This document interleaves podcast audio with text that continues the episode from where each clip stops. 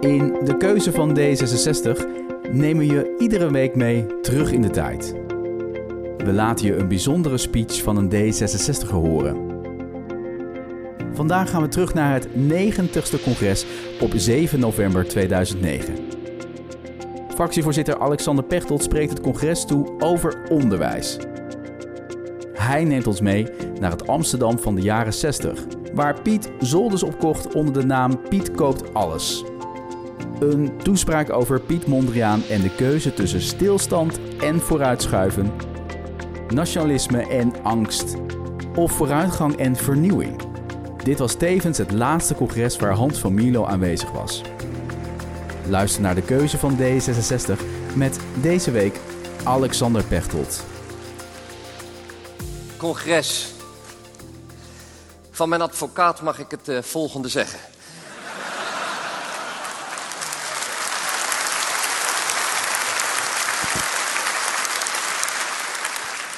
Vandaag stellen wij kennis en onderwijs op dit congres centraal. En op deze dag wil ik jullie meenemen naar het Amsterdam van de jaren 60, toen wij werden opgericht. Maar dan Amsterdam West. Daar woonde Piet. En Piet ruimt zolders op en Piet koopt. En Piet doet dat onder de fameuze titel, zijn slogan: Piet koopt alles. En op een bepaalde ochtend gaat zijn dochtertje met school naar het museum. Naar het Stedelijk Museum in Amsterdam. Dat kon toen nog, want musea in Amsterdam waren toen nog open. En, en zij is daar met school en leert daar over een andere Piet. Piet Mondriaan. En ze leert daar met die klas de ontwikkeling van figuratief naar abstract. En een week later komt ze bij haar vader in die schuur waar hij al die opgekochte spullen heeft en kijkt er in een hoek en zegt: Papa, die twee tekeningen daar, die zijn van Mondriaan. En die vader, verbaasd, maar ja, toch enthousiast, gaat naar het veilinghuis Mak van Waai daar in Amsterdam. En daar zijn ze nog enthousiaster. Ja, deze tekeningen zijn van Piet Mondriaan. Ze worden geveild en brengen 80.000 en 150.000 gulden op.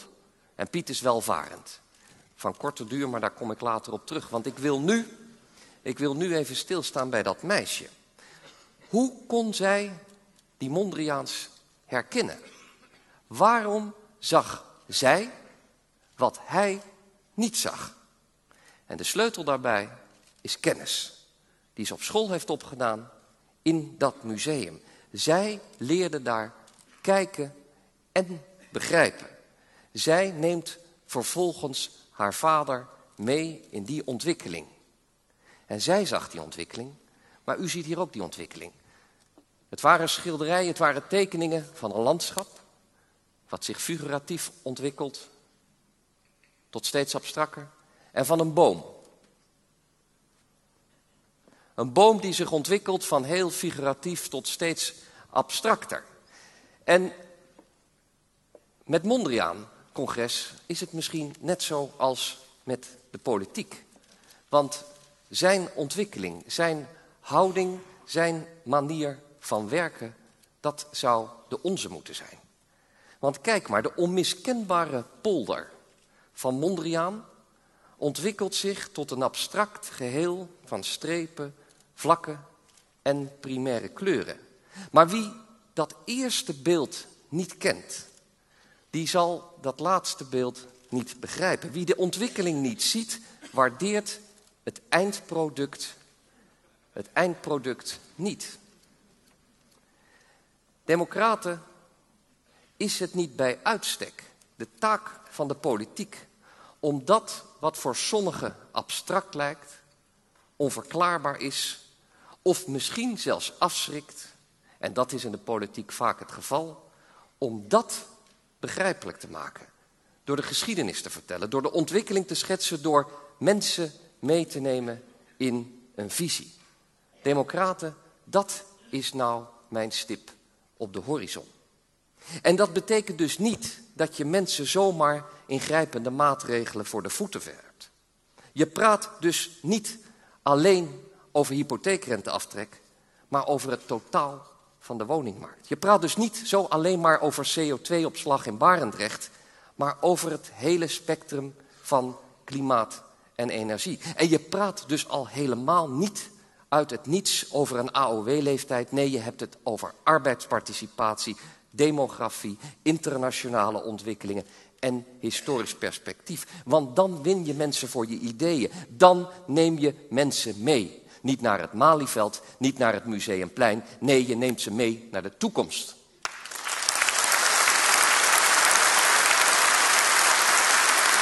De,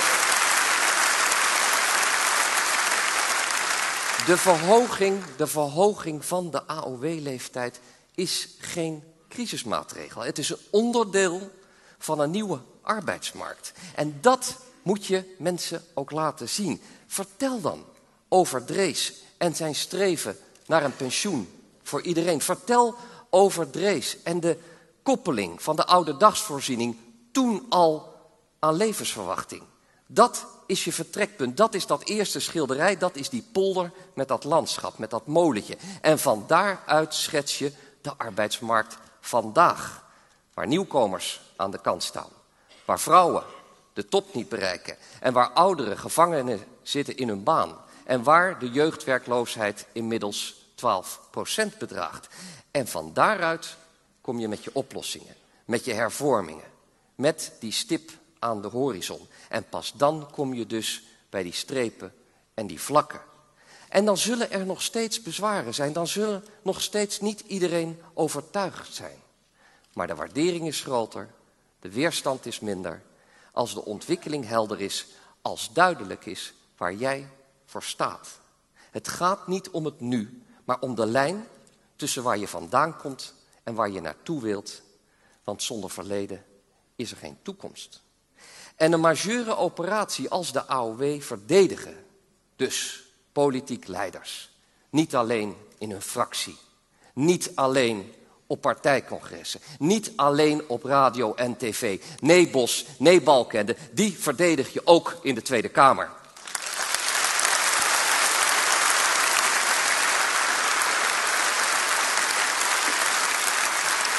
De congres De Ontwikkeling van Mondriaans Polder zou ook model kunnen zijn voor Nederland. Model kunnen staan als land dat zich ontwikkelt.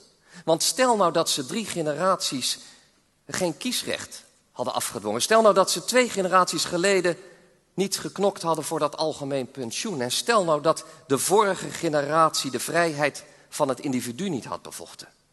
Ook wij hebben een opdracht naar de toekomst. Je laat een land na zoals je het aantroft, of liefst iets beter. Want in mijn nachtmerrie, in mijn nachtmerrie sta ik, sta mijn generatie voor een jongerentribunaal. Dat ons ter verantwoording roept. Ter verantwoording roept voor de slechte staat waarin Nederland is achterlaten. Dolend door gebrek aan leiderschap. Angstig door gebrek aan politieke moed. Middelmatig door gebrekkig onderwijs. En teruggetrokken, teruggetrokken door de uitlevering aan een xenofoob. Een land. Een land. Een land dat stilstaat. Een land vervreemd van zijn burgers. Vervreemd van zijn continent. Vervreemd van zijn geschiedenis. Een land als een polder die zich niet ontwikkelt. Als we niet oppassen, worden we de Hedwigepolder van Europa. Congres. Congres, de vraag is: wie gaat de toekomstige generaties vertellen dat zij de rekening krijgen voor het vooruitschrijven? Congres, dat ga ik niet doen. Niet zo. Wie wel?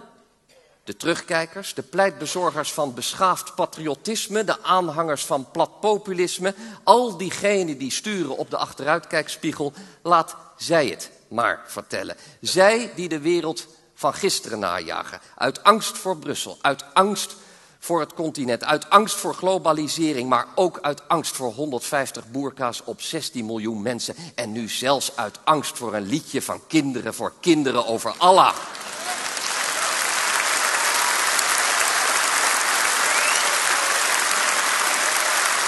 En dat. En dat En dat alles onder het motto Nederland moet Nederland blijven. Die instelling die getuigt niet alleen van angst, maar ook van een schrijnend gebrek aan historisch besef. Eeuwenlang lag de kracht van dit land juist in zijn open karakter. Kijk naar Amsterdam, de stad van de internationale vrijheid. Kijk naar Rotterdam, de stad van de internationale handel. Kijk naar Den Haag, de stad van internationaal recht. En kijk voor mij part naar Capelle Bieslingen. Misschien wel de geboorteplaats van minister-presidents eerste president van Europa. Voor zover, voor zover er al sprake is van een nationale identiteit, heeft die vooral te maken met een internationaal karakter. Dat veranderen is onbegonnen werk, is ondoordacht en contraproductief. Maar wat, congres? Wat als deze bange conservatieven de verantwoordelijkheid niet aankunnen of niet aandurven? Wie staat er dan ter verantwoording? Onze premier? Gaat hij ze het vertellen?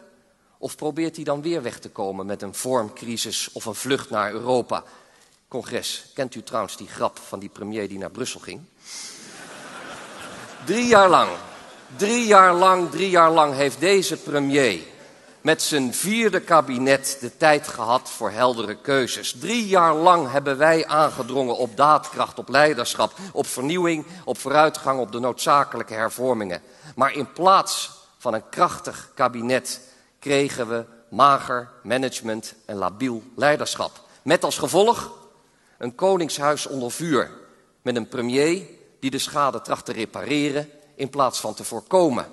De leider, de leider van het kabinet, de politiek eindverantwoordelijke voor de kroon, beschermt juist het koningshuis door ze aan te spreken op dubieuze belastingconstructies. Door ze aan te spreken op resorts in Mozambique. Niet nadat de kranten er vol van hebben gestaan, maar ervoor. De leider, de leider van het kabinet hakt zelf knopen door. Laat zich adviseren in het poldermodel maar levert zich er niet aan uit. De leider van het kabinet leidt ook daadwerkelijk het kabinet. En laat niet gebeuren dat drie ministers met drie monden spreken over een militaire missie. Natuurlijk, wij zijn kritisch geweest ten aanzien van Oeruzkan. Wij stemden tweemaal tegen. De eerste keer misschien te vroeg. Dat verwijt was misschien toen terecht. Maar dat verwijt is ongeloofwaardig nu de critici van toen zelf voor de troepen uitmarcheren. Onverstandig, onverantwoord, want Bush is vertrokken. Obama is gekomen en Afghanistan verandert nog elke dag. Wij zijn democraten, wij zullen opnieuw wegen, opnieuw wat verantwoord is. Eerst een voorstel, dan discussie. Eerst argumenten, dan een besluit. En daarmee wens ik dit tot op het bot verdeelde kabinet heel veel succes. Dit, dit kabinet, dit kabinet ontwijkt keuzes met telkens weer een nieuwe variant van uitstel. De honderd dagen snuffelstage, de tientallen werkgroepen, de honderden ambtenaren, 19 commissies. Iedereen mag meedenken, maar niemand regeert. Nou, minister-president, regeren is een werkwoord. Als dit zo doorgaat, als dit zo doorgaat, als dit zo doorgaat, zeven verloren jaren. Vanaf 2006 de laatste echte begroting, tot 2013 de eerste mogelijkheid om het boek Bals, Balkende eindelijk dicht te slaan. Maar daar ligt onze premier niet van wakker. Terwijl hij droomt van Europa waakt aan de poort van het katshuis. De schutspatroon van dit kabinet, de heilige Sint-Juttemus. Democraten. Democraten, wij doen het zonder beschermheiligen. Wij vertrouwen op eigen kracht, wij vertrouwen op eigen visie. Want ja, het moet anders. Anders. Anders omdat vooruitgang om verandering vraagt. Anders omdat verandering om daadkracht vraagt. En anders omdat daadkracht om leiderschap vraagt. En dat, ja, dat wil ik toekomstige generaties graag vertellen. Want wij hebben die ideeën. Een vernieuwingsagenda met vijf speerpunten. Vijf hervormingen. De arbeidsmarkt, de woningmarkt, kennis en onderwijs, klimaat en energie en de democratie. Want het gaat om je baan, het gaat om je huis, het gaat om je opleiding, het gaat om de toekomst van de aarde en het gaat om de verhouding tussen de burger en de staat. Daar wil ik me voor inzetten. Dat is mijn hervormingsagenda. Want. Want de arbeidsmarkt is niet meer als 40 jaar geleden. Het continent is open. De concurrentie is hevig. En outsiders staan aan de kant. En dat vraagt om nieuw perspectief. Met een modern ontslagrecht. Met een uitkering als springplank. Met extra inzet voor de werkloze 50-plusser. En ja, met verhoging van de AOW-leeftijd. Dat is, na alles wat ze bereikt hebben, de laatste doorbraak die we van de babyboomers mogen vragen. Maar dan wel geleidelijk en uitvoerbaar. Uitvoerbaar wat ik vraag aan dit kabinet. Wat is zwaar? Wat is een zwaar beroep? Is dat voor een ton per jaar op een olieplatform? Is dat voor 40.000 per jaar voor een VMBO-klas? Of is dat voor minder dan de balken en de normminister in dit kabinet zijn? Wat is zwaar? Dat is een onmogelijke definitie en tegenover zwaar zetten wij een leven lang leren. En trouwens, waarom wordt er over werk altijd zo gepraat als over zo min mogelijk, zo kort mogelijk en zo goed mogelijk betaald? Werk is integratie. Werk is emancipatie. Werk is zelfstandigheid. 80% van de herintreders wil weer aan het werk vanwege de sociale contacten. Vanwege de sociale contacten, mevrouw Kant. Vanwege de sociale contacten, mevrouw Jongerius. Ziet u het voor zich? Agnes, Agnes en de duvel en zijn oude moer. Een mooie coalitie van de angst.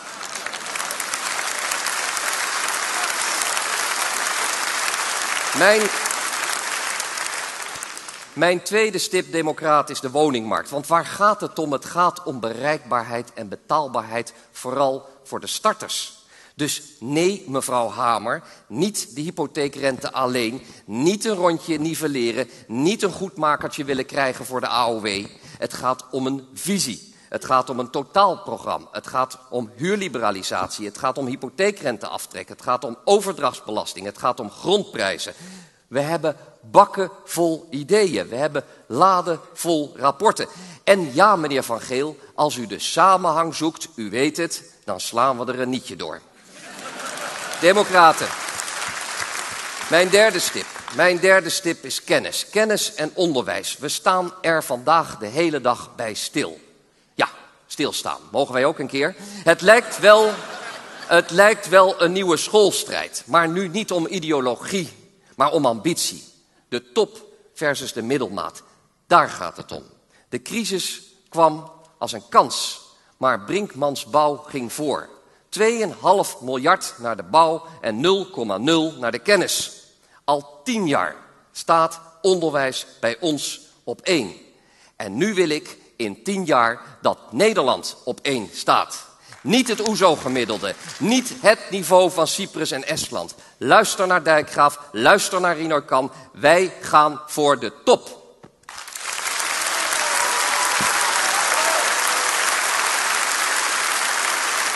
En congres. Plasterk omhelst intussen geen stijl.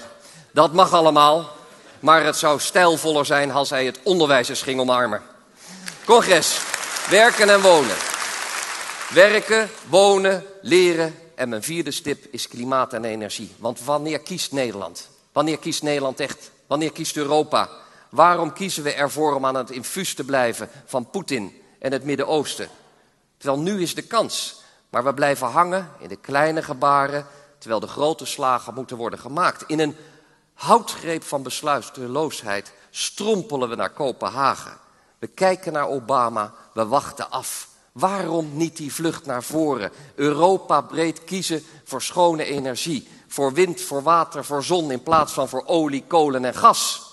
Ik kom net uit Suriname. En weet u daar, ze willen best die groene longen beheren, behouden.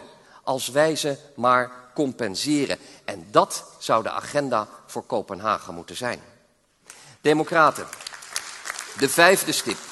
De vijfde stip is democratie. En democratie, dat is dus niet een burgemeester die zijn raadsleden niet voorlicht. Democratie is niet een commissaris van de koningin die faalt, maar vervolgens vasthoudt aan het plus. Democratie is al helemaal niet een minister-president die nog voor zijn mogelijk vertrek al eventjes een opvolger regelt. Ziet u het voor zich? Maxime Verhagen, die had in 2006 nog minder voorkeurstemmen dan ik.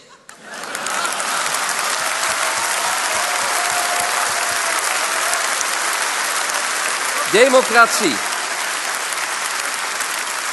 Democratie is een overheid die er voor haar burgers is en niet andersom. Maar de overheid heeft haar status als betrouwbare partner verloren. Verloren door stuntelende, niet afrekenbare bestuurders. Verloren door onbereikbare loketten. Verloren door een ondoordringbare bureaucratie. Een bureaucratie in stand gehouden door veel te veel bestuurslagen. Democraten, daar moet er minimaal één tussenuit. Minimaal één.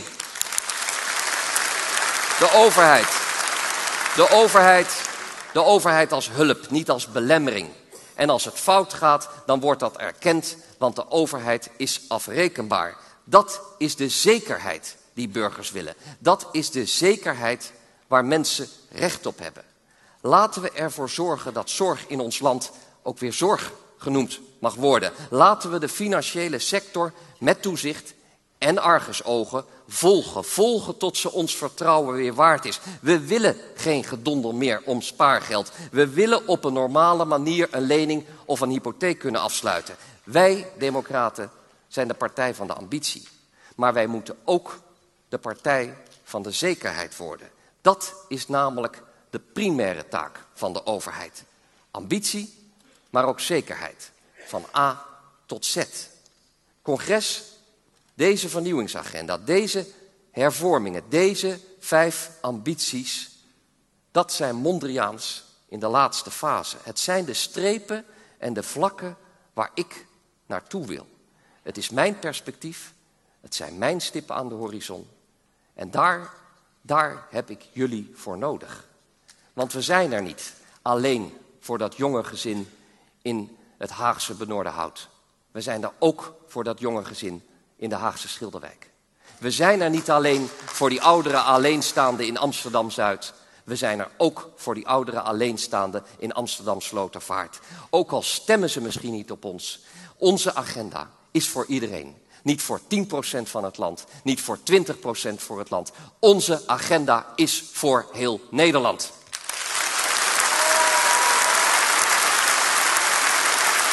Sinds Sinds, sinds het ontstaan van deze partij is de kans om te onderscheiden, is de kans om echt door te breken nog nooit zo groot geweest. Want het politieke landschap verandert. En cruciaal wordt welke houding wint. En de keuze is simpel. Wil je stilstand en vooruitschuiven? Wil je nationalisme en angst? Of wil je vooruitgang en vernieuwing. Man en paard? Wil je CDA? Wil je PVV? Of wil je D66? Wij staan voor de toekomst. Want wij willen niet dat conservatieve krachten het land gijzelen in een coalitie van de angst. Aan mijn horizon staat nog een stip. Een stip waarbij Wilders als enige nog in zijn eigen waanideeën gelooft. Wanneer komt progressief Nederland uit die kramp? Uit die kramp van de nieuwe politieke correctheid. Van het niet durven benoemen. Want Wilders maakt niet alleen zijn kiezers bang. Hij maakt ook zijn tegenstanders bang. En dat laat ik niet gebeuren. Dat laat ik mij niet gebeuren. Ik benoem het, ik ontmantel het en ik zet er mijn eigen ideeën tegenover.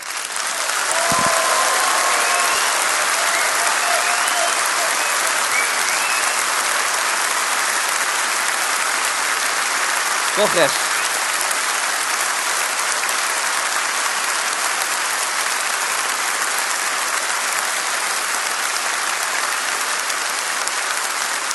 Congres. Wij staan voor de toekomst. Zeker en stabiel. Ook voor de partij. De kwikstaart. Kent u hem nog van Van Mierlo? Hij ging van grote hoogte tot diepe dalen. En dat, democraten, dat kan ook anders. In de nieuwe ordening van ons politieke landschap evolueert de kwikstaart in het Darwinjaar tot een stabiele trekvogel. Congres. U zult zich misschien inmiddels afvragen: hoe is het nou met die Piet afgelopen? Piet, die opkoper uit Amsterdam West. Nou weet u, die plotselinge rijkdom, die maakte hem overmoedig. Het geld liet hij rollen voor een caravan, voor een televisie en een nieuw wandmeubel. Maar belangrijker, verblind door die gelukstreffer, die Mondriaans, ziet Piet overal opeens meesterwerken in. Hij struint het Waterloopplein af en koopt alles waar Vincent en Rembrandt op staat. De ene kat in de zak na de andere. En zo wordt de kortstondige rijkaard weer de arme sloeber van weleer. Overmoedig door zijn plotselinge rijkdom is hij weer terug bij af. Gevloerd door een gebrek aan kennis. Een gebrek aan kennis. Niets geleerd van het verleden. En ik kan u zeggen, dat was zijn dochter niet overkomen. En ik kan u zeggen, dat mag ons ook niet meer overkomen. Want samen met jullie gaan wij voor winst. Stabiele winst. Niet alleen komend jaar en het jaar erop, maar vooral ook daarna. Dank jullie wel.